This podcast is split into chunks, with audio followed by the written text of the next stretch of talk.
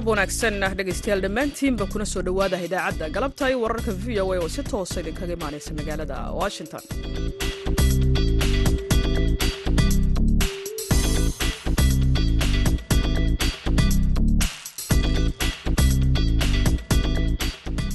Waa maalin axada bisha febraayo ee sanadka kana waa waxaad naga dhegaysanaysaan mawjadaha gaagaaban ee lix iyo tobanka iyo sagaal iyo tobanka mitrban bogga v o a somaly com. Saacadda afrikada bari waa afarta galabnimo.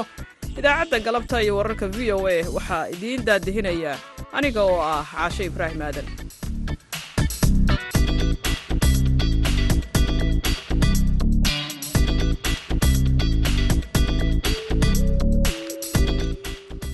Qodobada aad ku dhegaysan doontaan idaacadda galabta iyo wararka v o a na waxaa ka mid ah warbixin ku saabsan degmada waajid oo cisbitaal loo dhisayo. Waxaa ka mid ah hees ay gabadh faadimo xuseen odhanayeen oo iminka hoolaad joogta sida maaragtay heeska ay tidhaahdo waxaad dhegaysan doontaan oo kale barnaamijka wicitaanka dhegaystaha oo ku saabsan waxbarashada soomaaliya qodobadaasi iyo warar kale ayaan idiin haynaa balse marka hore waxa aad ku soo dhowaataan warka caalamka oo aan idiin akhriyo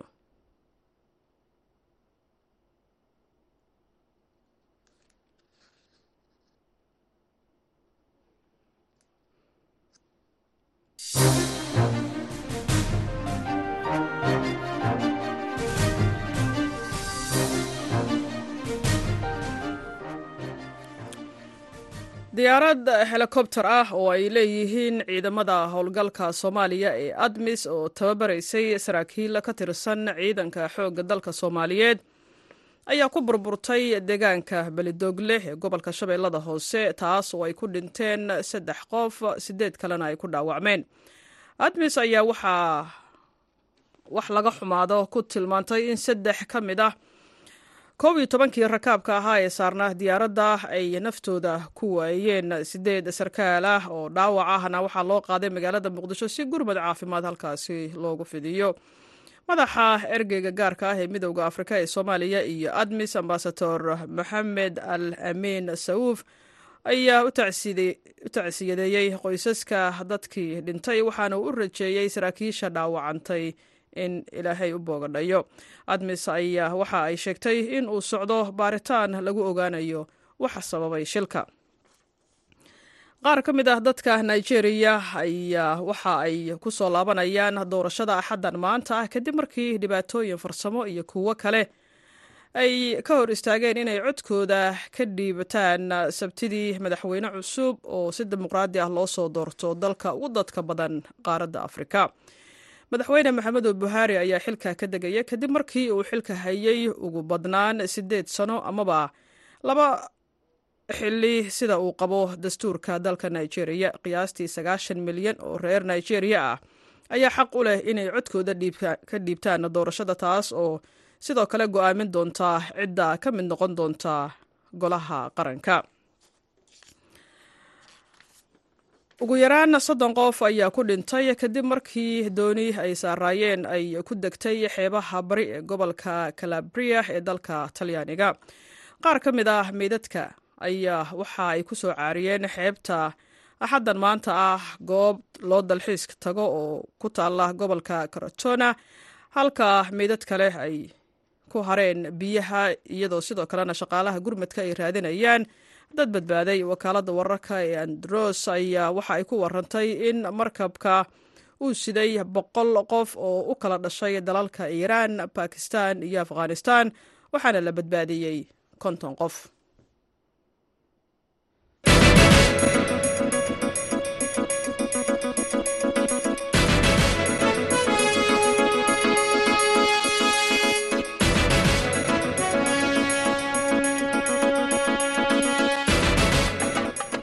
kale ayaan galab wanaagsan hawada idinka leenahay. Meel kasta oo aad naga maqlaysaan aa ku bilowne degmada waajid ee gobolka bakool waxaa ka bilowday dhismaha cisbitaal xilli baahi caafimaad oo aad u daran ay ka jirto degmada waajid iyo tuulooyinka hoos yimaada.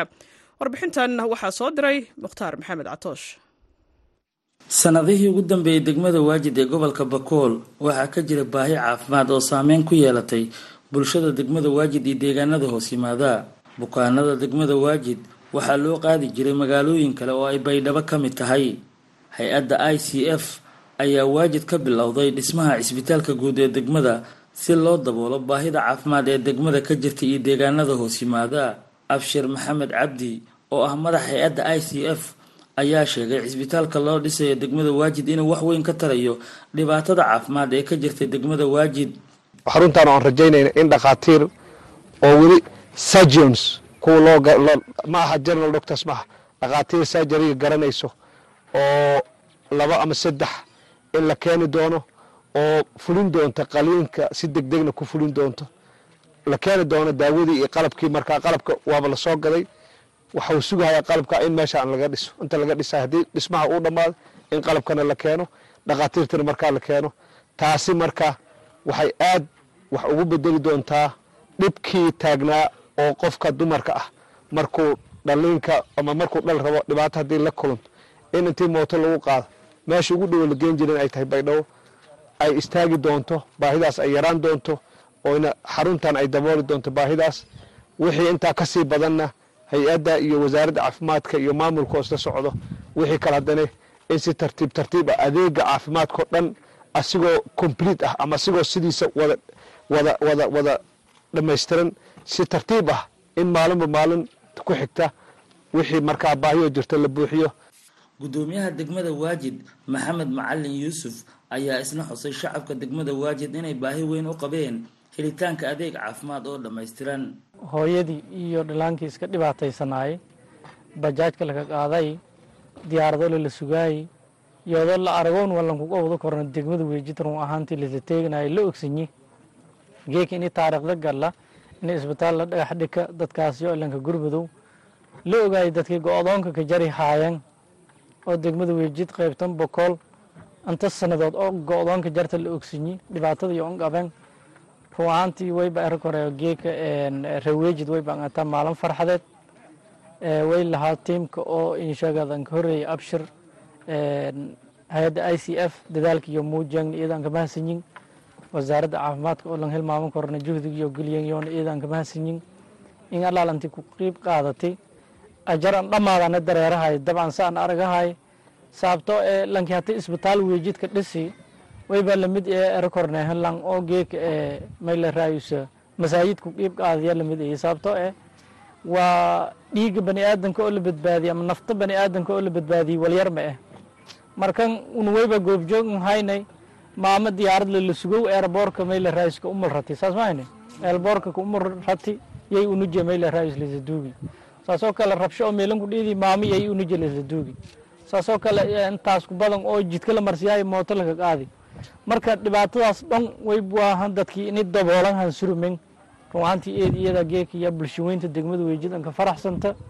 Mahadlahan kooba kornayaan jeediyaana ilaahay mahad isku leh kusokow wayba mahad isku leh hay'addii ha ku shaqayti iyo wasaaradda caafimaadka iyo dowladda koonfur galbeed. Degmada waajid ee gobolka bakool waxay ka mid tahay degmooyinka ay go'doomiyeen kooxda al-shabaab waxaana intaasi u sii dheeraa degmada gaabiska dhanka adeega caafimaad ee ka jiray degmada. Inkastoo haatan degmada laga dhisayo cisbitaal bulshada si lacag la'aana uga adeega. Mukhtaar maxamed catoosh v o a baydhabo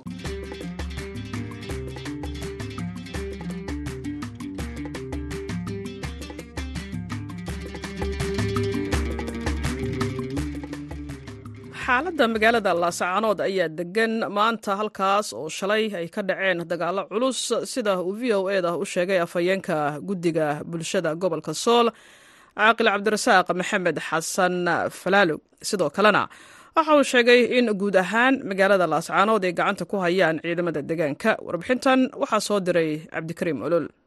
Waa iska fiican nahay alxamdulilah saaka waxaan ku jirnaa barwaaqo alxamdulilah waxaa mahad ilaahay ah inaan maanta magaalada xabad xabadi ka socon dagaalkii cuslaa ee shalay ka bacdi oo nimankii laga lagaga saaray dhufaysyadii ay ku jireen iyo meelihii ay madaafiicda ka soo ridayeen oo laga qabsaday taasaa keentay inaan maanta magaalada xabari ka dhicin iyagiina way ka baxeen magaalada dhulkii markii laga qabsadayna way fogaadeen oo waxay tageen meelaha ka durugsan. Tukarad wixii kuwii ka shisheeyeen waa soo guureen. Dee dagaalkoodii ma dhammaan. Mana ay guurin oo kama fogaan dee magaaladii kamay fogaan. Labadii wadana waa ku dhow yihiin bariga iyo waqooyiga. Waa gartay caaqilma waxaa jira meelo ay dagaalla asaaka ka dhicin laakiinse ciidamada somalilan ay ka guureen. Ha mea wey buraha magaalada ka shisheeya oo dhinaca gooja cadlo la yidhaahdo ka xiga bay bay kaga tageen baabuur kaga tageen. Marka halkaasay xabada ka soo ridayeen aroortii hore. Wax weyna khasaarahana may geysan laba qof intaanu ognahay baa ku dhaawacantay gacanta ayaa ku haya guud ahaan magaalada laascaanood hadda. Magaalada guud ahaan waxaa gacanta ku haya dadkii deegaanka odayaasha saddex iyo soddonka iyo saraakiisha ciidamada oo iskaashanaya guud ahaan gacanta ku haya waa gartay. Tukaraq ma dagaal baa ka dhacay mise ciidamada somaliland way ka soo baxeen? Tukaraq dagaal kama dhicin waayo de xaggaa dagaal kama socon. Iyagaa soo guuray. Xaggan sokayna soo aadeen. Waxaa noo aragnaa inay yihiin ciidan iyo culays. Maxaad ugu sawiri karaysaa dadka ku dhegeysanaya caaqil gudaha magaalada laascaanood maanta siday tahay. Horta dadka sawirka guud ahaaneed waa magaaladii waa maanta waa magaalo nabdo waan xabadi ka dhexdhacayn oo aan askari badan oo hubaysana dhex marayn raggii maxuaha deegaanka ee hubaysnaa oo ku jiray difaaca badanaa waa furmaha horey u guureen waa magaalo xasiloon. Waxaanu ugu baaqaynaa dadka deegaanka magaalada in dib loo furo in meheradihii la furo in maxaan ku dhahdaa lagu soo noqdo magaalada in shaqa maalmeedkiisii qof waliba uu shaqa maalmeedkiisii bilaabo waanu dadka reer laascaanood iyo bulshada reer laascaanood ugu baaqaynaa intii soo noqon kartaana ay magaalada ku soo noqon. Dhinaca kale waxaa isna ka hadlay xaaladda magaalada laascaanood iyo dhaqdhaqaaqa ciidamada somalilan wasiirka arrimaha dibadda ee somalilan doctor ciise kayd maxamuud. Codkan oo uu baahiyey telefishinka somalilan ayaa isagoo hadlaya waxa uu yidhi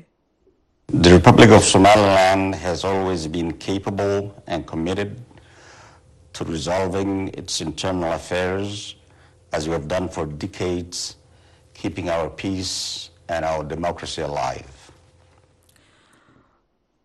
waxa uu yidhi jamhuuriyadda somalilan waxa ay mar waliba awood u lahayd kana go-nayd xalinta arrimaheeda gudaha sida aan samaynay tobannaan sano si aan u nabadayno iyo sidoo kale dimuqraadiyaddeenna u ilaalino dowladda somalilan waxa ay ku kalsoon tahay in xaaladda xilligan ee magaalada laascaanood la xallin doono maadaama ay tani mudnaan u leedahay dowladdeenna iyo muwaadiniinteeda. Sidoo kale si loo ilaaliyo loona yareeyo saameynta rayidka iyo iyada oo la tixgelinayo codadka muwaadiniinteenna iyo baaqa saaxiibadeenna caalamka.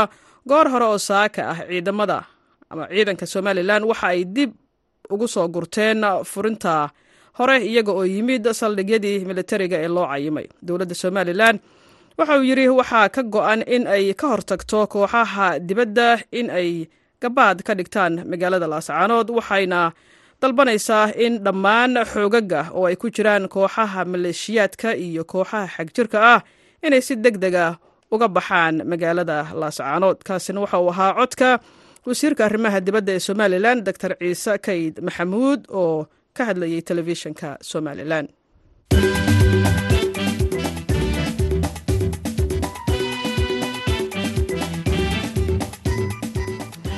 mar kale galab wanaagsan meel kastoo aad naga maqlaysaan. Dalka nigeria waxaa ka bilaabantay tirinta codadka ee doorashadii madaxtinimo iyo tii baarlamaaniga ahayd ee shalay dalkaasi ka qabsoontay. Gobollo ka mid ah dalka nigeria ayaa maanta weli laga codaynaya kuwaas oo shalay aan codaynin sababo farsamo awgeed.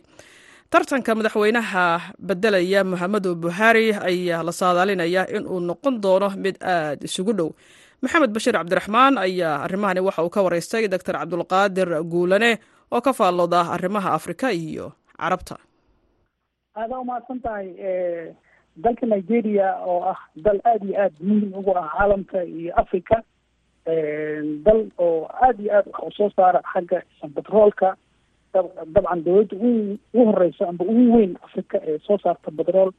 Dowladda ugu tirada badan dadka afrikaanka ah laba boqol oo milyan si dhaafayo dadka codeynayo oo sagaashan iyo saddex milyan ka badan yani waa dal yani muhiim ah. Dalkaas wuxuu dhacaa geeska galbeedka africa waana dawlad dabcan muddo dheer ku soo jirtay ku soo kufaysay ku soo dhaceysay qaabka dimuqraadiyadda. Wax badanna in laga barto doorashada ka jirto hadda ay ay tahay. Waxa waaye dalka africa afrikaanka oo dhan dalalka africa oo dhan waxaa doorashooyinka iyo dimuqraadiyadda. Waxaa ka dhici jiray marka mararka hore afgembiye fara badan. Hadda sagaashan sagaalkii ilaa iyo hadda waxay ku socdaan doorashooyin doorashadan ayaa marka waxay tahay doorashada kala saari lahayd. Haddii ay si sax ah oo hufan ay u dhacdo waxa waaye waxaa moodaa inay caqabado badan ka gudbaayaan. Dabcan doorashadan waxaa ku tartamaya sideed iyo toban xisbiyaa ku tartamaya madaxweynaha hadda xilka haayo ee ka sii dhamaanaya maxamed bukaari waxa waaye laba jeer oo isku xogtoo qabtay marka isaga fursad uma helin marka inuu mar labaad isa soo sharaxo mar saddexaad aa ula jeedaa dastuurkaa ka reebaya marka sideed iyo tobanka musharax u sharxan inay bedelaan isaga dabcan qaar xisbigiisa iyo dad kaloo yani sideed iyo toban musharax waxaad fahmi kartaa tiro aad u fara badan waaye inkastoo haweenka ku yaraayeen taqriiban haa haweenka ah inta kale waa rag saddexda ugu waaweyn marka musharaxiinta yaa hadda mataqaanaa waxay soo waxay soo korayaan liisaska ugu horeeyo waxaa ugu horreeya marka bola axmed timo timbo oo ah todobaatan jir iyo atiko abubakar isagana oo ah rajul acmaal oo dabcan isagana todobaatan lix jir ah oo dhowr jeer issoo sharxay ilaa shan jeer oo issoo rashaxay midna kuma guuleysanin laakiin hadda wuxuu haystaa furas fursadda saddexaad waxaa kaalin saddexaad ku jiro. Nin u tartamayo dadka dhalinyarada amba dhiigga cusub raba isbeddel inuu meesha ka sameeyo peter ala dhahaa obi. Marka waxaana la rajeynaa in peter inuu guuleysto ay macquul tahay. Saasaa hadda saacadaha ugu dambeeya la leeyahay marka nigeria marka doorashada ka dhacdo dalalka afrikaanka o dhanna waxay u tahay model iyo wax lagu daysto. Waa tahay doctore sida aad sheegtay bola axmed tinubu oo ay xulufo yihiin madaxweyne axmedu buhaari iyo hogaamiyaha mucaaradka ah ee abubakar ayaa ah labada nin ugu saameynta badan ee laga yaabo midkood in uu qaato madaxweynaha soo socda ee nigeria. Haddii peter obi uusan si lama filaan ah kaalinta kuwaad ku soo gelin. Marka maxaa labadaas nin laga yaqaanaa? Maxay ka bedeli karaan siyaasadda nigeria? Haddii midkood uu soo baxo labadoodaba waxa waaye waxay ka kala socdaan labada dhinac oo aada iyo aada u tartamayo waa mucaaradka iyo muxaafadka madaxweynaha hadda xilka ka sii degayo wuxuu aad yani u soo rashaxay awood iyo juudi badan uu ku bixiyay xisbiga talada haayo. Bola axmed oo ah dabcan yani nin siyaasi ah oo caan ah oo meesha taqriiban yani xoolo badan iyo wax badanna ka sameeyey xisbiga talada haayana ka haysta kalsooni fara badan wuxuuna dhaxal ka yahay maxay ahayd maxamed bukaari oo dabcan wadanka isagana soo gaarsiiyey marxalad dhismo iyo la dagaalanka argagixisada iyo waxyaabo fara badan oo oo lagu xasuusto. Dhanka mucaaradka ena waxaa ugu xoog badan sidaa sheegtayba abubakar oo isagana ah yani nin ganacsade ah oo isagana taqriiban aada loo yaqaano wadankana magac weyn ku leh taqriiban shan jeer oo kalena issoo rashaxay labadaas marka mucaaradka iyo muxaafadka haddii dhexdooda laga dhex kaluumeysan karo waxaa laga yaabaa inuu peter ka soo baxo. Laakiin mucaaradka oo dhan waxay isugu tageen abubakar. Muxaafadka oo dhanna waxay isugu tageen bola axmed.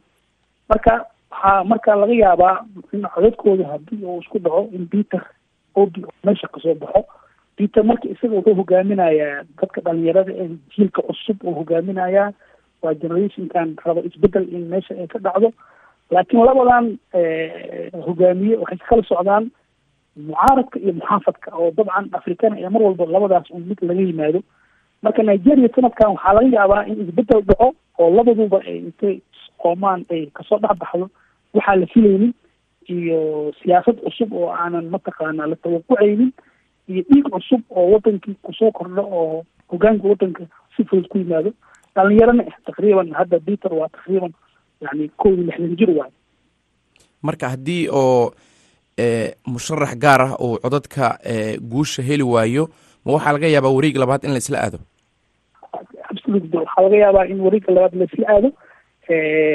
Mataqaanaa inta badanna waxaa laga yaabaa wareeg kuwaadba inaan uu kala bixin oo maadaama tiro badan oo axzaabta ee badneed marka axzaabta marka oo codadka kuwaad la tiriya waxaa laga yaabaa marka sida loo kala jajabo iyo meelaha lakala aadayo laakiin saddexdan oo xisbi iyo saddexdan majmuuca ayaan ku soo koobi lahay aniga dadka oo hadda yani soo baxayo oo oo wareega labaad soo gudbayo waa taha doctore ugu dambeyn nigeria siyaasad ahaan inta badan markii madaxweyne muslina uu xilka ka dhammaado madaxweyne dhinaca kale masiixiga ayaa soo bixi jiray ama waqooyi iyo koonfur ayaa loo kala meerteysan jiray xilka ugu sarreeya dalka.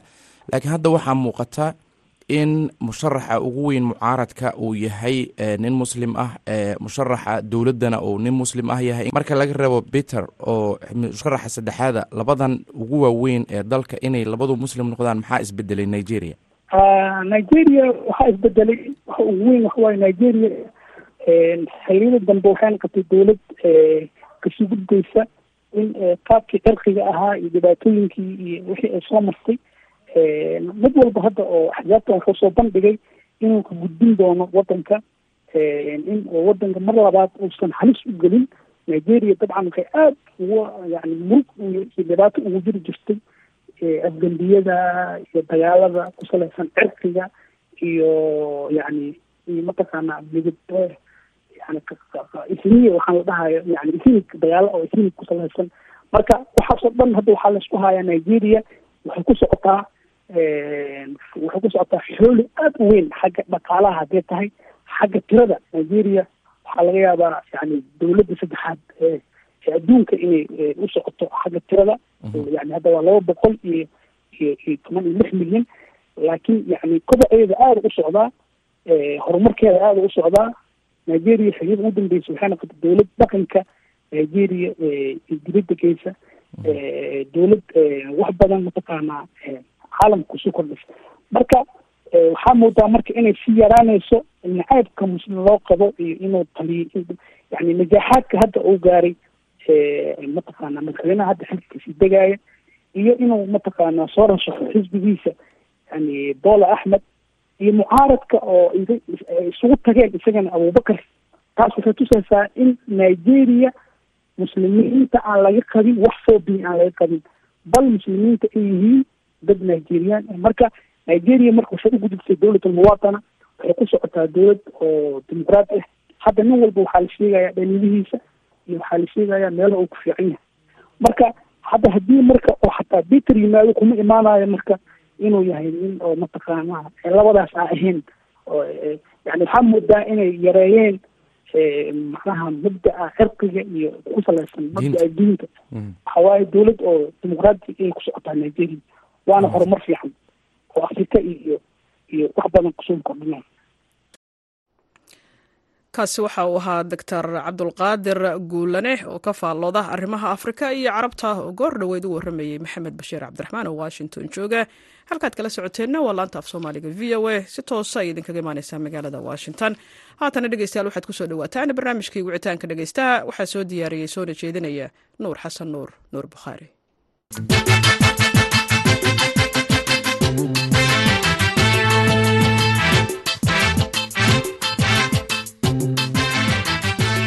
kulanti wanaagsan dhegaystayaal ku soo dhowaada barnaamijka wicitaanka dhegaystaha toddobaadkan barnaamijka waxaan ku eegi doonnaa heerka waxbarashada soomaaliya ee xilligan. Waxaa marti igu ah wasiirka waxbarashada hiddaha iyo tacliinta sare ee soomaaliya mudane faarax sheekh cabdulqaadir. Wasiir faarax sheekh cabdiqaadir ku soo dhowow barnaamijka wicitaanka dhegaystaha ee v o a. Ahlan wasahlan nuur. Waa dhowahay adiga iyo dhegaystayaashaadaba aada iyo aad baad u mahadsantihiin.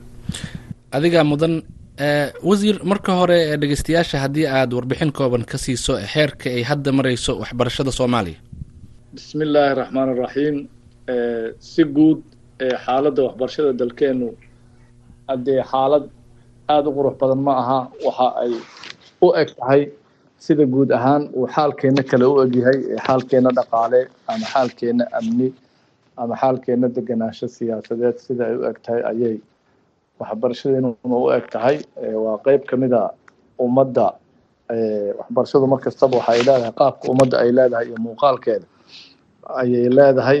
Waxaa aada iyo aada u saameeyey dagaaladii dalka ka dhacay. Waxaa aada iyo aada u saameeyey dhaqaale xumada iyo duruufta adag ee dalka uu ku sugan yahay. Waxyaabahaasna waxaa ka dhashay in helitaanka fursadda waxbarasho ay aada iyo aada u yar tahay oo ay aada iyo aada u hooseyso oo la dhihi karo in ka yar boqolkiiba shan iyo labaatan ayaa hesha fursaddii waxbarasho ee dalka uu ee dadku ay u baahnaayeen. Intaa ka badan intaa int inta dee shan iyo labaatanka ka badan oo toddobaatan iyo shan boqolkiina fursad ma ay haystaan ay wax ku bartaan. Waxyaabaha kaleeto oo dee la xiriira waxbarashada oo ay ka mid tahay macalimiinta oo ay ka mid tahay dugsiya iyo goobaha waxbarashada waxyaabahaas oo dhan ama xataa arrinta ku saabsan tayada waxbarashada. Dee su'aalo aada iyo aada u badan ayaa ka taagan oo runtii daraasado laga sameeyey annaguna xoog badan aanu ka soo helay. Sanadihii la soo dhaafay iyo tobankii sane ugu dambeysay on dadaalihii isxilqaamo siyaabo kala duwan loo sameeyey way jireen. Xoogaa horumar baad moodaa in laga gaaray dhanka imtixaanaadka shahaadada oo shahaado la aqoonsan yahay shahaadooyinka ay soo saarto dowladda federaalka iyo dhanka manaahijta xataa oo bal la soo gaaray ilaa iyo heer la daabaco bugaagta intooda badan walow qiimaha bugaagtu uu aada iyo aada qaali ugu yahay dadka waxbarashadooda. Arrinta kaleeto dee marka su'aasha weyn mudanna waxaa weeye maalgelinta waxbarashada. Waxbarashada hadda maanta dalka ka jirta waxa ay ku tiirsan tahay waalidiinta oo iyagu bixiyay inta badan kharashka waxbarashada iyo hay'ado kale oo kaalmeeya marka laga reebo dee dadaal sanadkan ay samaysay wasaaradda waxbarashada iyo dowladda federaalka ah oo lagu kordhiyey miisaaniyadda waxbarashada waxaa la dhihi karaa xaaladda waxbarashada iyo maalgelinteeduba. Aada iyo aada inay u hooseeyaan marka loo fiiriyo dee caalamka kale meesha uu joogay iyo halka aynu ku sugannahay. Waa mahadsan tahay runtii waa faahfaahin kooban oo bidhaaminaysa xaaladda waxbarashada hadda soomaaliya marka wasaaraddaada inkastoo ay maaragtay muddo kooban jirto waxyaabaha ugu muhiimsan ee idin hirgalay muddadan haddii aad nala wadaagto. Markii aynu nimaadnay wasaaradda runtii waxa ugu horreeya oo aynu qabanay bal waa inaynu sahmina xaaladda dhabta ee waxbarashada dalka. Duruufaha dhabta ee aynu ku noolahay waana midda ina tusisay in afar milyan oo da-yarta soomaali ah aanay haysan fursad waxbarasho taasoo runtii noqotay dee arrin aada iyo aada u walwal badan oo u muruga badan. Dalkani si uu dadkiisa u helo waxbarasho waxa uu u baahan yahay in ka badan boqol kun oo macalin oo tababaran. Haddee macalimiinta tababaran ee dalka joogtana tiro aada iyo aada u yar inay tahay ayaa inoo inoo muuqatay oo oo runtii aada iyo aada yacni mararka qaar ka yar toban kun oo macalin ka yar dadka tababaran waxaynu isku daynay intii muddadan aynu joognay halkan bal marka hore in aynu ka shaqeyno in waxbarashada dee la siiyo mudnaan oo ka duwan bal sidii markii hore loo arki jiray ama ha noqoto dowladda federaalka ah baarlamaanka golaha wasiirada iyo madaxda dowladdaba oo markaa bal maqaamkeeda kor loo qaado runtii garashadaas iyo kor isuqaadidaasna waa midda yaro keentay in sanadkan lagu dhawaaqay in saddex kun oo macalin oo cusub la howlgeliyo oo laga howlgeliyo miisaaniyadda dowladda oo ah waxa ay bixiyaan dadka canshuur bixiyaasha ah ee soomaaliyeed. Waxaa kaloo aynu ka shaqaynay in bahda waxbarashada waxa la yidhaahdo oo isugu jira dee hay'ado qaarkood private ah qaarkood ay bulshadu iska leedahay iyo kuwa dowladeedba inay bal si wada jir ah ama aragti wada jir ah ay samays ay samaystaan oo isku si ay waxbarashada oga shaqeeyaan oo waxbarasho aan heshiis lagu yahay oo aanan la kala jiidjiidanaynin danta ugu weyna laleeyahayna ay tahay in ardayga soomaaliyeed uu yahay waxa aynu u wada shaqaynayna dhammaanteen maalmahan la soo dhaafay waxa aynu ka shaqaynaynay in saddexdaa kun ee macalin bal la shaqaalaysiiyo. Laguna shaqaalaysiiyo hab daah furan oo marka horeeto ay soo codsadaan. Haddaan tusaale kuugu soo qaado markaanu iclaaminay in saddexdaa kun la qaadanayo. Dad in ka badan saddex iyo toban kun oo qof ayaa soo dalbatay maalinta isniinta ahee bisha toddoba iyo labaatanka ay tahay waxaa imtixaan geli doona sideed kun oo qof oo ku geli doono ilaa iyo laba iyo toban magaalo oo dalka ah oo ay ku jirto gobolka banaadir. Imtixaan laga qaadayo saddexdaas kun imtixaan laga qaadayo sideeddaa kun oo macalin say u soo baxday saddex kun oo sideeddaa kun ka mid a marka waa bilow meelahaba inoo joogtaa waxaa kaleeto hadda aynu iclaaminay in la qabanayo shirweynaha waxbarashada qaranka. Oo bisha soo socota ee mars saddex iyo tobankeeda ilaa toddobiyo tobankeeda la qaban doono. Ujeeddada shirweynuhu waxaa weeye in bal isu keeno waxgarad iyo aqoon-yahan iyo mas'uuliyiinta qeybaha kala duwan ee bulshada oo laga wada hadlo arrinta waxbarashada dalkeena gaar ahaan sidaynu u samaysan karnaa. Aragti midaysan oo loo dhan yahay oo ku sar go-an baahida waxbarasho ee dalkeena. Sidee waa maxay caqabadaha waxbarashada dalkeena haysto. Sideese caqabadahaas looga hortegi karaa ama looga gudbi karaa iyadoo la adeegsanayo fikrado hal abuur leh? Waxaa kaloo laga doodi doonaa arrinta ku saabsan maamulka waxbarashada siduu noqonaya iyadoo duruufta waddankeena ama siyaasadeed ama dhaqaale ama amni aynu wada garanayno su'aasha weyn oo meesha taallaa waxaa weeye oo kaleeto baahinta waxbarashada. Sidee dadka aanan helin fursadda waxbarasho aan hadda haysan? Amaba ay dhaaftay oo laga yaabo da-doodu inay soddon sano afartan sano dhan tahay. Laakiin fursada aan soo helin sidee waxbarasho u heli karaan oo ay ula qabsan karaan nolosha ama uga soo geli karaan qeyb meesha hadda ay kaga jiraan ka wanaagsan? Iyo ugu dambeyntii arrinta ku saabsan maalgelinta waxbarashada iyo mas'uuliyaddeeda iskale gaar ahaan mashruuc aynu ku magacawnay isku tashi oo macnihiisu uu yahay in dadka soomaaliyeed ay isku tashadaan oo ay ka shaqeeyaan inay iyagu maalgelin u sameeyaan waxbarashada caruurtooda. Waa gartay arrinta soo jeedata waa saddexda kun dabcan saddex kun oo macalimiin ah in wasaaradda ay doonaysa inay shaqaalaysiiso dhan marka laga fiiriyana shaqa abuurka wadanka ayay wax ka bedeli kartaa marka dhinaca waxbarashada maxaa is leedahay saddexdaasi kun waa ay ka bedeli karaan tayada waxbarashada soomaaliya runtii sida aynu qorsheynay de waa bilow oo hadda iyadu saddexda kun keliya wax weyn ma bedeli karta laakiin waxay bilow u tahay in tirada ay sii korodho oo sanadkan gudihiisaba laga yaabo inay tiradu sii korodho. Sanadka dambena way sii kordhi doontaa haddii ilaahay yiraahdo aniga oo rajo weyn ka qaba in xaaladeena amni iyo xaaladeena dhaqaalaba ay ka soo reynayso marka loo fiiriyo sanado hore sidii aan ahayn. Saddexdaas kun waxa ay waxbari kartaa ilaa iyo in ka badan boqol iyo konton kun oo arday oo aan hadda maanta waxbarasho haysan. Ujeedada dowladdu ay u bixinaysana mushaarkooda waxaa weeye in ay wax ka dhigaan iskuullo ay dowladdu leedahay oo ardaydu ay lacag la'aan wax ooga bartaan. Marka taasaa iyaduna ah wax cusub oo oo soo kordhayo waxaa intaas sii dheer in mudnaan gaara la siinayo deegaanadii hadda la xoreeyey ee shabaabka laga xoreeyey khawaarijta ah in gobollada dalka la gaarsiinayo oo aanay ahayn hal magaalo keliya iyo iyo magaalooyinka waaweyn. Waxaan aada iyo aada iskugu dayi doonaa in deegaano aanan waxbarasho helin muddo dheer oo dhowr iyo toban sano ama labaatan sano ah. In markan ay heli doonaan fursad ay ku helaan macalimiin deegaankooda timaada oo ardaydooda waxbarta oo duruufaha ay ku nool yihiin la qaybsata. Waxaa kaloo iyaduna dee xusid mudan jidka aynu u marnay in dadkaas la shaqaalaysiiyo oo ah marka horeeto bal in online application ay wada sameeyaan oo dadka dhan ay si online ku soo dalbadaan iyagoonan cidna soo marin oo aanan soo marin weji aqoon iyo weji garasho intii soo gudubtana imtixaanka ay galaan intii imtixaanka gudubtana tababar deg deg ah inay galaan. Waxa aynu meesha ka saaray in qofka uu soo maro meelo kale oo ama dad siyaasiyiin ah ama odayaal dhaqan ama beeleed uu soo maro oo isagu uu noqdo qof isku kalsoon oo isagu soo dalbada waxa uu doonayo kadibna dee sidaas lagula macaamaloodo ayaynu ku talagalnay waxaa muhiim ah inaan sheego in gabdhahana la siin doono fursad weyn.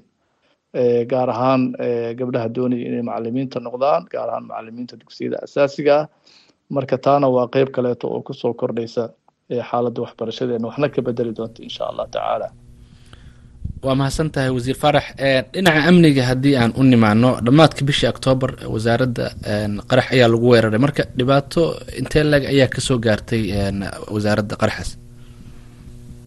Runtii dee waxay ahayd nasiib darro aada iyo aada u weyn in nimanka khawaarijta manaxayaasha ay beegsadaan wasaaradda waxbarashada oo dee goob tacliimeed ah oo ay markaa ku jireen dhalinyaro iyo carruur iyo dad waalidiin ah oo u yimid inay shahaadooyin ka qaataan meeshaas. Marka burbur weyn baa runtii gaaray wasaaraddu waxay hadda gacanta ku haysaa saddex boqol iyo lixdan iyo saddex agoon ah oo ah dadkii waalidiintii halkaa ku dhimatay ilmihii ay ka tageen. Oo qaarkood runtii aada iyo aada u yar yar qaar waxbarasho ku jiro heerar kala duwan ku jiro kuwaana hadda gacantaynu ku haynaa oo hawshaynu waynu wadnaa dayactir baynu ku bilownay xaruntii wasaaradda qeybaha qaar shaqooyinkoodiina dib bay u bilaabeen. Qeybaha qaarna dhowaan waa ay bilaabi doonaan insha allah tacaala haddii ilaah yiraah waa mahadsan tahay wasiir faarax sheekh cabdiqaadir iigu jir khadka doorka dhegeystayaasha ayaan geli doonaa dhegeystaha ugu horreeya ayaan jeclahay in aan soo dhaweeyo. Waxaan ahay cabdisalaam ka jooje jooga magaalada galdogob gobolka mudug wasiir faarax sheekh cabdulqaadir aad baan u salaamayaa runtii waxaan leeyahay waxaa tahay ninkii ugu mudnaa wasaaraddan soo maray wasaaradda waxbarashada. Maadaama aad tahay nin muddo ku soo jiray waxbarashada soomaaliya baahiyaha ardada iyo macalimiinta iyo dhammaan baahda waxbarashada garanayana waa tahay wasiirka waxaan weydiinayaa laba su'aalood. Midi ay tahay arrin ku dhacday nin aan saaxiiba oo jaamacadda ummadda dhigta. Welibana qeybta saxaafaddu ka dhigta suu ii sheegay ardaydii wuxuu ka mid ahaa labada kun iyo labaatankii dhammaysay dugsiga sare. Jaamacadda ummaddu isla markiiba bilaabay haatan asagoo ah sannadkii hore dhexdiisa asagoo ah semester tree buu wuxuu is yiray wasaaradda waxbarashada wax ka soo qaadataa shahaadadii markii uu tegayna waxaa u soo baxday in la yidhaahdo waaba dhacdayba. Haddase haddana labada kun labaatankii waxaa u qornayd inuu baasay oo welibana marks fiican uu ku gudbay. Markii dambe uu shahaadada soo qaadana waxaa la yidhi waaba dhacdayba. Jaamacadda ummaddana markaas wuxuu ku tiri kuma qaabili karno maadaama ay wasaaraddii kugu dhegan tahay asagoo welibana dhowr simisar soo dhigtay. Cunugii waxay dani ku khasabtay inuu dugsiga sare imtixaankiisa mar labaad ugu fadhiisto marka wasiirka su'aasheedu waxay tahay halkaas ku aadan wasiir hanaankiina iyo systemkiina waxbarashada. Kalsooni maba ma lagu qabi karaa maadaama ardaydii horey u baasay gadaal hadday dib u doonaan isdhahaan shahaadadii ay u soo baxaysa inay dhaceen. Taasi waa taas. Arrinta kaloo aan raba inaa weydiye waxay tahay maamul goboleedkan haatan anigu ku noolahay ee puntland. Waxa uu imtixaanaadkiisa u qaataa si gooni ah marka muranadii adinkiio nigala dhexeeyey maamulka puntland ma xaliseen waa mahadsantihiin cabdisalaan aada iyo aadaad u mahadsan tahay arrinta ku saabsan saaxiibka ardayga dee waa un waa waxaan isdhihi karaa waa isolated case waa un hal case oo qof ku dhacay. Anigu hadda ma garanayo sida uu yahay laakiin sida habboon. Waxaa weeye inuu la xiriiro xafiiska imtixaanaadka iyo shahaadooyinka wasaaradda waxbarashadu waxa ay leedahay system online ah computerized ah aan la tirtiri karin aan waxba laga bedeli karin oo markii la geliyo daatada ama macluumaadka ardayga imtixaanka uu ku soo gudbay ay meesha ku qoran tahay. Waana system lagu kalsoon yahay oo jaamacadaha adduunka dhan ayaa markii ardayga shahaadada la siiyo ka eega ardaygaas iyo natiijadiisa haddii shahaadadu ay sax tahayna natiijada meeshaas ayay ka helaan marka anigu welwel kama qabo systemka management information systemka aynu isticmaalo welwel kama qabo. Mararka qaar waxaa iska dhacdaba inay dad shahaadooyin been abuura intay samaystaan ay isku dayaan inay jaamacado ku galaan. Wadamadaas kale ayaaba soo celiya dadka oo ogaada. Marka haddii dee un khalad waa un bini aadana un si un uu dhacay sida habboon haddee meeshan kuma xallin karayne waa in qofkaas uu la xiriiraa xafiiska imtixaanaadka uu la xiriiraa khaladka iyo meeshuu ka dhacay iyo waxaana la ogaada. Laakiin systemka imtixaanaadka iyo shahaadooyinka ee dalku uu leeyahay kalsoonidiisa wax mushkilada oo haba yaraatee ka jirto lama arko tan aad soo qaaday ee ah in dowladda puntland ay imtixaanada gaar u qaadaan inay waxyaaba saas sameeyaan. Kulle waxaan kuu sheegayaa haddii uun ay jiraan wax badan oo ka mid maxay ahayd midmadowgaa jiray waa la xaliyey. Haddii waxyaabo weli sii taagtaagan ay jiraan oo xal u baahanna waxaan kuu sheegaya inaanay marna saameynin mustaqbalka ardayga soomaaliyeed meel kasta oo uu joogo. Ardaygu muhiim buu noo yahay horumarkiisa muhiim bay noo tahay in waxbarashadiisu aanay kala goyin muhiim bay noo tahay. Haddii tabashooyin iyo umuuro maamul iyo umuuro siyaasadeed dhex maraan waxaan kuu caddaynayaa in aanay ardayga soomaaliyeed waxaba yaraatee culays oo dhankaas ka gaari kara aysan jirin. Cabdisalaam iyo asxaabta kalena waxaan u sheegayaa sidoo kaleeto in shahaadooyinkii lacag la'aan laga dhigay. Meeshaad rabta joog cid wasaaradda waxbarashada ka tirsan oo kaa qaadi karta lacag ma jirto shahaadada xaq baad u leedahay. Dowladda federaalka ayaa bixisa kharashkeeda. Muwaadinkuna si bilaasha ayuu ku qaadanaya waxaan ka shaqaynaynaa in muddada dhow ee soo socoto ardaydu aanay uba dhibaatoonin inay shahaadada meel fog u soo doontaan ay ka heli doonaan deegaanada iyo meelaha ay ay degan yihiin. Waana qayb ka mid ah inaynu fududeyno coleysyada bulshada ka haysto adeega dowladda federaalka ay bixinayso waa tahay waxaan filayaa in cabdisalaam uu helay jawaab waafi ah. Dhegeysto kale ayaa doonaya in uu su'aashan ku weydiiyo. Magacaygu waa maxamed deekh yuusuf macalin. Waxaan joogaa magaalada jowhar ee xarunta gobolka shabeellaha dhexe ee maamulka hirshabelle wasiirka waxaan weydii lahaa laba su'aal. Su'aasha koowaad waxa weeye wasiir waxaa jirto dhowaan deegaano muhiim ayaa lala wareegay kooxda al-shabaab. Deegaanadaasoo ku dhowaad afar iyo toban sano ama shan iyo toban sano ee al-shabaab ay ka maamuli jireen marka ka wasaarad ahaan deegaanadaasi maxaa idinka qorsheysan? Haddii aa lahayd dhinaca waxbarashada oo deegaanadaas waxaa jiro carruur oo ku dhowaad afar iyo tobankaasi sano ee al-shabaab ay joogeen ku dhashay oo hadda ku qaangaaray. Marka wasaaradda maxaa aga qorsheysan deegaanadaas al-shabaab laga xoreeyey in si ay waxbarasho u gaarsiin lahayd. Su'aasha labaad aan wasiirka weydiinaya waxaa weeye jaale wasiir waxaa jirta ballanqaad dowladda soomaaliya gaar ahaan wasaaradda waxbarashada ay sameysay ballanqaadkaasoo ku aadanaa ardaydii ee waalidiintooda ku waxyeeloobay qaraxii dhawaa ee ka dhacay isgoyska zoobe gaar ahaan dhinaca wasaaradda waxbarashada waxaa jirta ballanqaadyo ee wasaaraddu ay sameysay ballanqaadkaasoo ku aadanaa sidii ardaydaasi waxbarashadooda ay ku faala qaadan lahaayeen ama ay dhabarka u saaran lahaayeen. Marka ballanqaadyadaasi wasaaradda maxaa u qabsamay? Halkoon ku dambeeya. Labadaas su'aal ayaan weydii lahaa wasiirka. Intaasaan uga baxay. Wasalaamu calaykum waraxmatullahi wabarakaatu arrinta ku saabsan goobaha laga xoreeyay khawaarijta runtii nasiib darro aada iyo aada u weyn weeye. In dhalintaa soomaaliyeed ee qaarkood da-doodu labaatan sano ee gaartay ee gabdho iyo wiilalba leh aanay wax fursad waxbarashe aanay helin. Shan iyo tobankii sane la soo dhaafay waa nasiib darrada ama dhaxalka xun ee ay reebeen khawaarijta weeye. Markii dhulka la xoreeyeyna wasaaradda waxbarashada waa ay tagtay meeshaas hogaanka wasaaradda waxbarashada ee dowlad goboleedka hirshabelle waxa uu soo maray inta badan deegaanadii la xoreeyey. Sidoo kaleeto wafdiyo sahana ayaynu u dirnay. Waxaynu markii bilowgaba gaarsiinay qalab waxbarasho meelaha la gaarsiin karay. Haddana waxaynu wadnaa mashruuc la yidhaahdo aanu qeyb ka nahay mashruuca xasilinta ee dowladda federaalka ay wado oo isugu jira arrimo la xiriira caafimaadka waxbarashada garsoorka iyo maamulka. Dhowaanna insha allah tacaala haddii ilaahay yiraahdo howlahaas waa ay bilaabanayaan goordhow keliya maa hirshabelle xataa galmudug iyo goobaha la xoreeyey sidaas oo kale waaye arrinta ku saabsan carruurta agoonta ee ay khawaarijtu agoonteeyeen runtii markaan anigu si dhow oo si dhow ula socdo runtii. Waxaan la kulmay qoys labiyo toban qof labiyo toban caruura ka kooban oo aabahood la dilay. Qoys kow iyo toban caruura ka kooban oo aabahood la dilay. Qoys toban ka kooban oo aabahood la dilay qoys sagaal ka kooban oo aabahood la dilay oo runtii muuqaalo murugo badan leh aan ka soo qaaday. Dadkaasi waa la diiwaan geliyey. Waxa ay qeyb ka yihiin hawsha ay qabanayso wasaaradda waxbarashada. Waxaynu la soconaynaa waxbarashadooda ilaa iyo heerka ugu dambeeya. Marka dadkaasi waa ma dayacmayaan diiwaanada ayay ku jiraan xafiis baa loo furay howlahooda iyo ay kala soo xiriiraan. Marka macluumaadkooda o dhanna waa la hayaa. Waa hagaag dhegeystayaal. Weli waxaan ku guda jirnaa barnaamijka wicitaanka dhegeystaha oo aan toddobaadkan ku eegeyno heerka waxbarashada soomaaliya. Dhegeystaha ugu dambeeya ayaan jeclahay inaan soo dhaweeyo. Magacaygu waa ayuub nuur maxamuud. Waxaan joogaa degmada baxda galmudug soomaaliya iyo wasiirka wasaaradda waxbarashada faarax shaqo. Daadiyaha barnaamijkaba aad baa idin salaamay? Mudane wasiir waxaa jirtaa in aniga waxaan ka mid ahaa dufcaddii labada kun shan iyo toban labada kun iyo lix iyo toban ka qalin jebisay dugsiyada sare si gara dugsiga hoose dhexeeya sare ee wiilwaal degmada boondheere.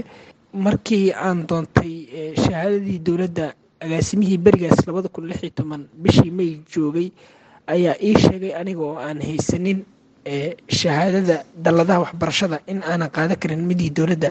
Marka faahfaahin guud waxaa naga siisaa weli ma waxaa jira shuruudihii lagu xirayay ardayda soomaaliyeed mise ardayga dhigta dugsiyada dowladda ama kuwa mataqaanaa ka madax bannaan dowladda in uu si xaqa uu u leeyahay inuu qaato shahaadadiisa ma jirtaa mise weli waxaa jira shuruudooyin lagu xiro ardayda qaadanaysa shahaadooyinka? Taasi waa mid midda kale wasiir waxaan rabaa inaan kuu sheego deegaanadan galmudug muddooyinkii ugu dambeeyey aan joogay labadii bilood ugu dambeysay waxaa maray ugu yaraan toban tuulo iyo shan degmo oo ka mid a deegaanadan galmudug. Iskuullada markii aad tagto kama jirto haykal waxbarasho ama nidaam waxbarasho oo wanaagsan kama jirto oo dugsiyadii ma ay haystaan macalimiin taya leh iyo agabkii ay u baahnaayeen. Waxaan arkaysaa muqdisho inay ka furan yihiin in ka badan boqol jaamacadood. Kasii badanoo mataqaana dugsiyo saraa haddana heerkii iyo tayadii waxbarasho ee loo baahnaa uu hoos u dhac weyn uu ka jiro. Marka wasaaradaadu maxay ka bedeshay saddexda kun ee arday saddexda kun ee macalimiin ee la qaadan doono maxay ka bedeli doonaan dhibaatadan ka jirta tayada waxbarashada? Waa mahadsantaha waa mahadsan tahay arrinta ku saabsan shahaadooyinka xilliyada aad tilmaamaysay labada kun iyo afar iyo toban iyo shan iyo toban waa xilligii la bilaabayay imtixaanka shahaadada ee dowladda ay qaadaysay shahaadada dugsiga sare waxaa jirtay galowshiyo ah in ay jirto arday aanan fursad u imtixaanada inay galaan. Ardaydaas waxaa lagu xiri jiray oo lagu shardin jiray in ay shahaadadii haddii ay dalad dalladaha waxbarashada imtixaankoodii galeen inay shahaadadii dalladaha keenaan oo taas loo bedelo oo shahaadada dugsi sare la siiyo. Laakiin haddeertaan dhammaan ardaydu waxa ay galaan imtixaanka shahaadada ee wasaaradda waxbarashada ay qaado ee fasalka afraad ee dugsiga sare marka wax shuruuda oo kale oo ku xiran male waxa keliya ku xiran waxaa weeye inaad imtixaanka gasho. Imtixaanka haddii aad ku baastan inaad shahaadada soo doonato. Marka wax kaleeto oo shuruuda oo ku xiran haba yaraatee ma jirto. Wax dhaqaale oo ku xiranna ma lahan. Marka marxalada laga soo gudbay iyo duruufo aanu aanu soo marnay unbay ka tarjumaysaa waxyaabaha aad sheegayso aad baan u salaamayaa dadka reer baxdo iyo dadaalka weyn ay u galeen inay dadkooda xoreeyaan ama iska celiyaan cadowga. Waan dareemayaa in tayada waxbarasho deegaanada ka jirto gaar ahaan deegaan kasta oo ka sii fog magaalooyinka ama caasimadda ha ahaato ama caasimad goboleedyada ha ahaato. In dee aqoontii la rabay iyo kartidii la rabay iyo awooddii la rabay iyo agabkii la rabay inaanay meesha u oolin waan waan dareemayaa. Xataa kuwa magaalooyinka waaweyn ee hadda aad tilmaamaysa ayaaba tayadoodu marar badan su'aalo badan ay ka dhalataa. Laakiin si xoogla ayaynu uga shaqaynaynaa dib u dhiska nidaamka waxbarasho. Ama ha noqoto saacadaha wax la barto ha noqoto qalabka wax laga barto iyo agabka waxbarashada.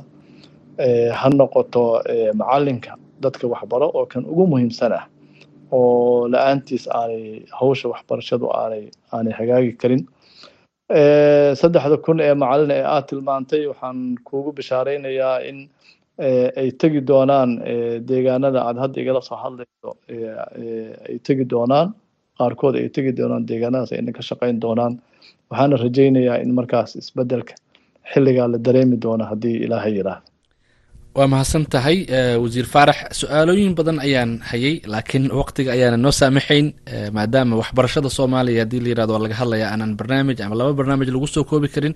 Laakiin adiga oo soo koobaya gabagabadii tacliinta sare ee wadanka sida uu ayuub xusay jaamacado dhowr ah ayaa caasimada keliya ka furan qaarkood waa kuwii wadanka badbaadiyey qaarna waa kuwa maaragtay dadka qaar ay dhahaan ma buuxinin wixii laga rabay ay jaamacad ku noqon lahayen marka mowqifka wasaaradda waxbarashada ee jaamacadaha tirada badan muxuu yahay ma tayo xumo mise tayo wanaagsan oo dhanka waxbarashada?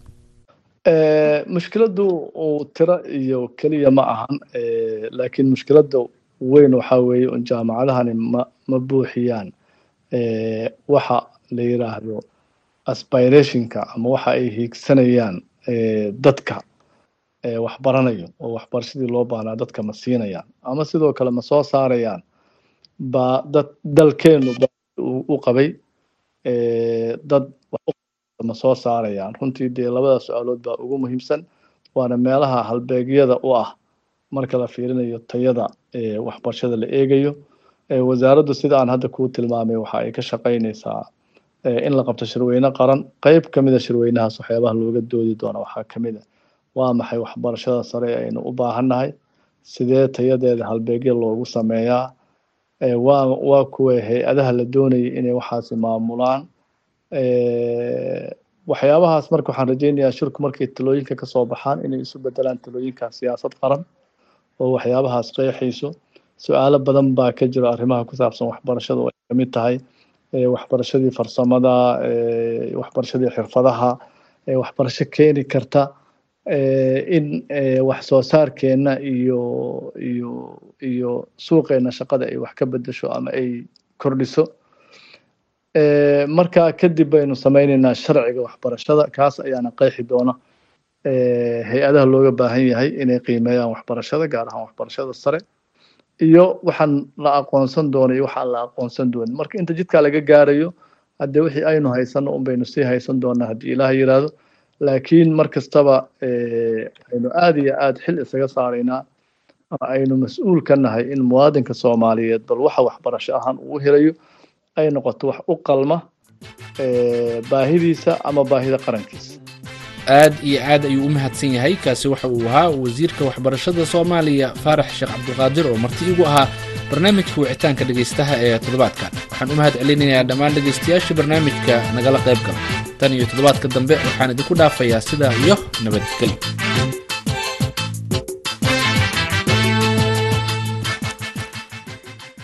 nuur xasan nuur bukhaari ayaa soo diyaariyey soona jeedinayay barnaamijka wicitaanka dhegeysta. Halkaad kala socoteenna waa tabinta iyada galabta iyo wararka v o a oo si toosa idinkaga imaaneysa magaalada washington. Hees dabacsan oon filayo inaad si weyn uga heli doontaan ayaan goor dhow dhegihiina ku sii dayn doonaa. Hase haatee haddaan idin xusuusiye qaar ka a qodobada warka caalamka ugu weyna diyaarad helikobter ah oo ay leeyihiin ciidamada howlgalka soomaaliya ee admis oo tababaraysay saraakiil ka tirsan ciidamada xoogga dalka soomaaliyeed ayaa waxa ay ku burburtay deegaanka belidogle ee gobolka shabeellaha hoose taas oo ay ku dhinteen saddex qof sideed kalena ay ku dhaawacmeen.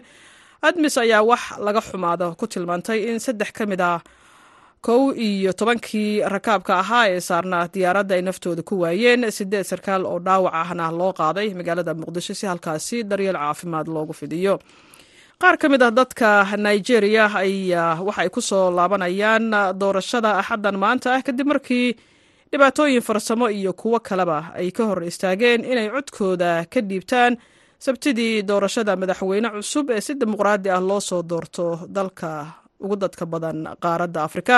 Madaxweyne moxamedu buhaari ayaa xilka waxa uu ka degayaa kadib markii uu xilka madaxweynenimo ee dalkaasi uu hayey in ka badan ugu badnaan sideed sano amaba laba xili sida uu qabo dastuurka dalkaasi. Ugu yaraan soddon qof ayaa waxay ku dhinteen kadib markii dooni ay saaraayeen ay ku degtay xeebaha bari ee gobolka. La yidhaahdo calabria ee dalka talyaaniga codkaasi dahabiga codkii dhegiina soo gaarayana waa fanaanada hibe maxamed hudoon hibe nuuro iyo heestii sabab kale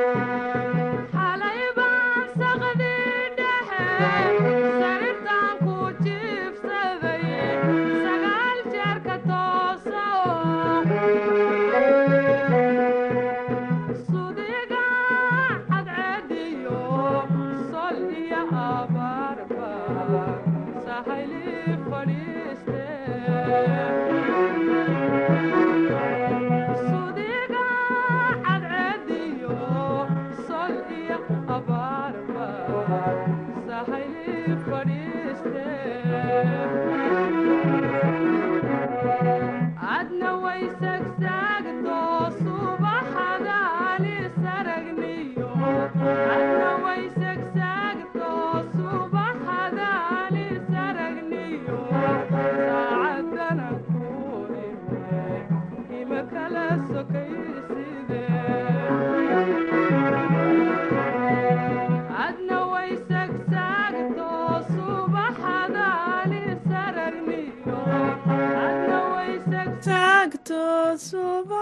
Waa hees aad iyo aad u macaan. Hees la dhex gala ma aha codka. Hibe maxamed hudoon hibe nuura heesta sabab kale. Waxay u dambeysay guud ahaan baahinteennii galabta iyo wararka v o a.